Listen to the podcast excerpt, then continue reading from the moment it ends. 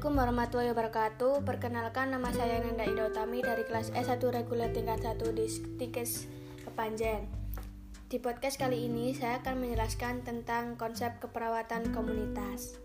Pengertian dari keperawatan komunitas adalah merupakan sintesis teori keperawatan dan teori kesehatan masyarakat untuk promosi pemeliharaan dan perawatan kesehatan populasi melalui pemberian pelayanan keperawatan pada individu, keluarga, dan kelompok yang mempunyai pengaruh terhadap kesehatan komunitas. Selanjutnya, tujuan dari keperawatan komunitas yaitu mengidentifikasi masalah kesehatan yang dialami, menetapkan masalah kesehatan yang diprioritaskan masalah tersebut, merumuskan serta memecahkan masalah kesehatan, menanggulangi masalah kesehatan yang mereka hadapi, dan mengevaluasi sejauh mana pemecahan masalah yang mereka hadapi. Fungsi keperawatan komunitas sendiri yaitu satu, memberikan pedoman dan bimbingan yang sistematis dan ilmiah bagi kesehatan masyarakat dan keperawatan dalam memecahkan masalah klien melalui asuhan keperawatan. Kedua, agar masyarakat mendapatkan pelayanan pelayanan yang optimal sesuai dengan kebutuhannya di bidang kesehatan. Ketiga, memberikan asuhan keperawatan melalui pendekatan pemecahan masalah, komunikasi yang efektif dan efisien, serta melibatkan peran serta masyarakat. Yang keempat, agar masyarakat bebas mengemukakan pendapat berkaitan dengan permasalahan atau kebutuhannya, sehingga mendapatkan penanganan dan pelayanan yang cepat dan pada akhirnya dapat mempercepat proses penyembuhan. Prinsip keperawatan komunitas. Pada perawatan kesehatan masyarakat harus mempertimbangkan beberapa prinsip yaitu satu kemanfaatan. Semua tindakan dalam asuhan keperawatan harus memberikan manfaat yang besar bagi komunitas. Kedua, kerjasama. Kerjasama dengan klien dalam waktu yang panjang dan bersifat berkelanjutan serta melakukan kerjasama lintas program dan lintas sektoral. Yang ketiga, secara langsung. Asuhan keperawatan diberikan secara langsung mengkaji dan intervensi. Klien dan lingkungannya termasuk lingkungan sosial, ekonomi serta fisik mempunyai tujuan utama peningkatan kesehatan. Keempat, keadilan. Tindakan yang dilakukan disesuaikan dengan kemampuan atau kapasitas dari komunikasi itu sendiri. Dalam pengertian melakukan upaya atau tindakan sesuai dengan kemampuan atau kapasitas komunitas. Kelima, otonomi klien. Otonomi klien atau komunitas diberi kebebasan dalam memilih atau melaksanakan beberapa alternatif terbaik dalam menyelesaikan masalah kesehatan yang ada. Kemudian, sasaran keperawatan komunitas. Sasaran dari perawatan kesehatan komunitas adalah pertama individu. Individu adalah anggota keluarga yang unik sebagai kesatuan utuh dari aspek biologi, psikologi, sosial, dan spiritual. Dua, keluarga Keluarga merupakan sekelompok individu yang berhubungan erat secara terus-menerus dan terjadi interaksi satu sama lain, baik secara perorangan maupun secara bersama-sama di dalam lingkungannya sendiri atau masyarakat secara keseluruhan. Ketiga, kelompok khusus. Kelompok khusus adalah kumpulan individu yang mempunyai kesamaan jenis kelamin, umur, permasalahan, kegiatan yang terorganisasi yang sangat rawan terhadap masalah kesehatan termasuk di antaranya pertama kelompok khusus dengan kebutuhan khusus yaitu ibu hamil, bayi baru lahir, balita, anak usia sekolah, dan usia lanjut. Yang kedua, kelompok dengan kesehatan khusus yaitu penderita penyakit menular seperti TBC, lepra, AIDS, penyakit kelamin lainnya. Dan penderita dengan penyakit tak menular seperti penyakit diabetes mellitus, jantung koroner, cacat fisik, gangguan mental, dan lain-lain. Yang ketiga, kelompok yang mempunyai resiko terserang penyakit di antaranya wanita tunasusila, kelompok penyalahgunaan obat dan narkoba, dan kelompok-kelompok pekerja tertentu. Yang keempat, lembaga sosial atau perawatan dan rehabilitasi di antaranya panti urada, panti asuhan, pusat-pusat rehabilitasi, dan penitipan balita. Falsafah keperawatan komunitas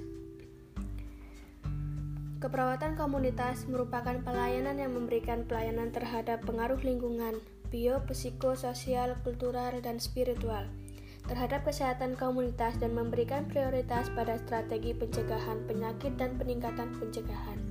Falsafah melandasi komunitas mengacu kepada falsafah atau paradigma keperawatan secara umum yaitu manusia atau kemanusiaan merupakan titik sentral setiap upaya pembangunan kesehatan yang menjunjung tinggi nilai-nilai dan bertolak dari pedagang ini disusun falsafah atau paradigma keperawatan komunitas terdiri dari empat komponen dasar.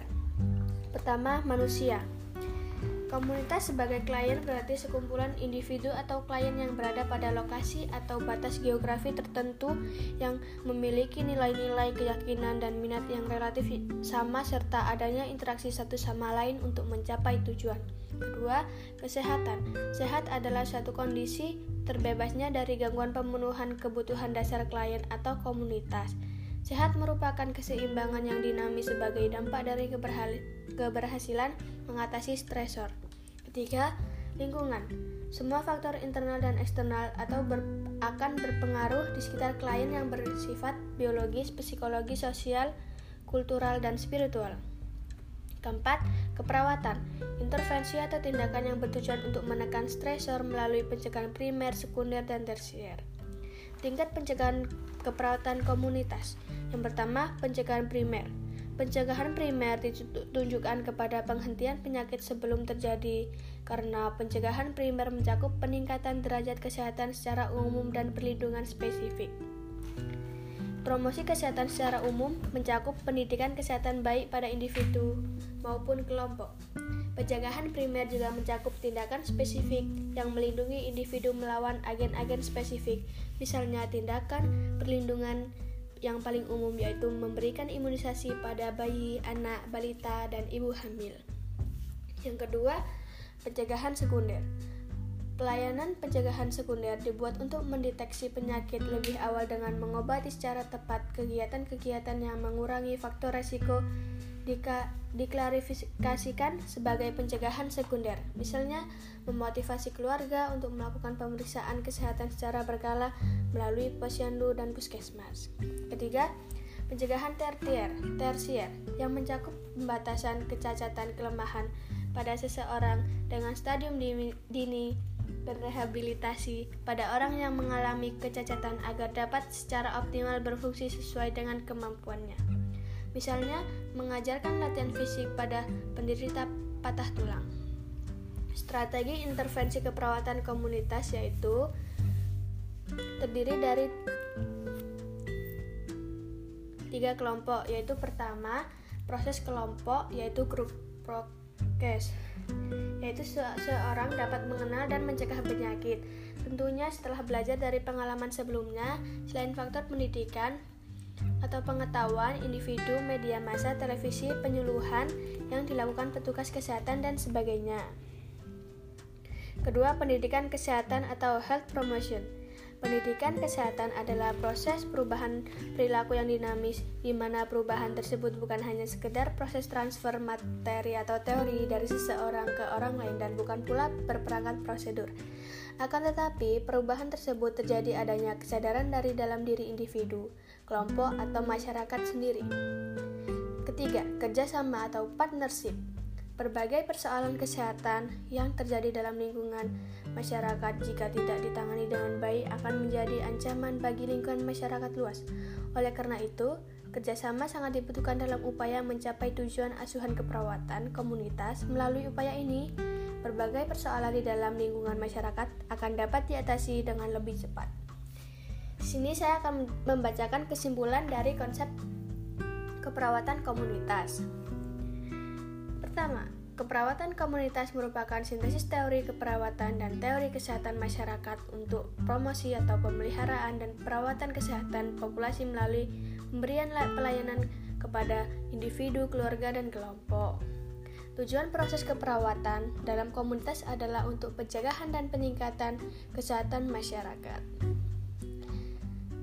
Keperawatan kesehatan masyarakat harus mempertimbangkan beberapa prinsip, yaitu kemanfaatan, kerjasama secara langsung, keadilan, dan otonomi klien. Sasaran dari perawat kesehatan komunitas adalah individu, keluarga, kelompok khusus, komunitas baik yang sehat maupun sakit. Keperawatan komunitas merupakan pelayanan yang memberikan pelayanan terhadap pengaruh lingkungan bio, psikososio, kultural, dan spiritual. Pelayanan yang diberikan oleh keperawatan komunitas mencakup kesehatan komunitas yang luas dan berfokus pada pencegahan yang terdiri dari tiga tingkat, yaitu pencegahan primer, sekunder, dan tersier. Sekian dari saya. Apabila ada salah kata, mohon maaf. Wassalamualaikum warahmatullahi wabarakatuh.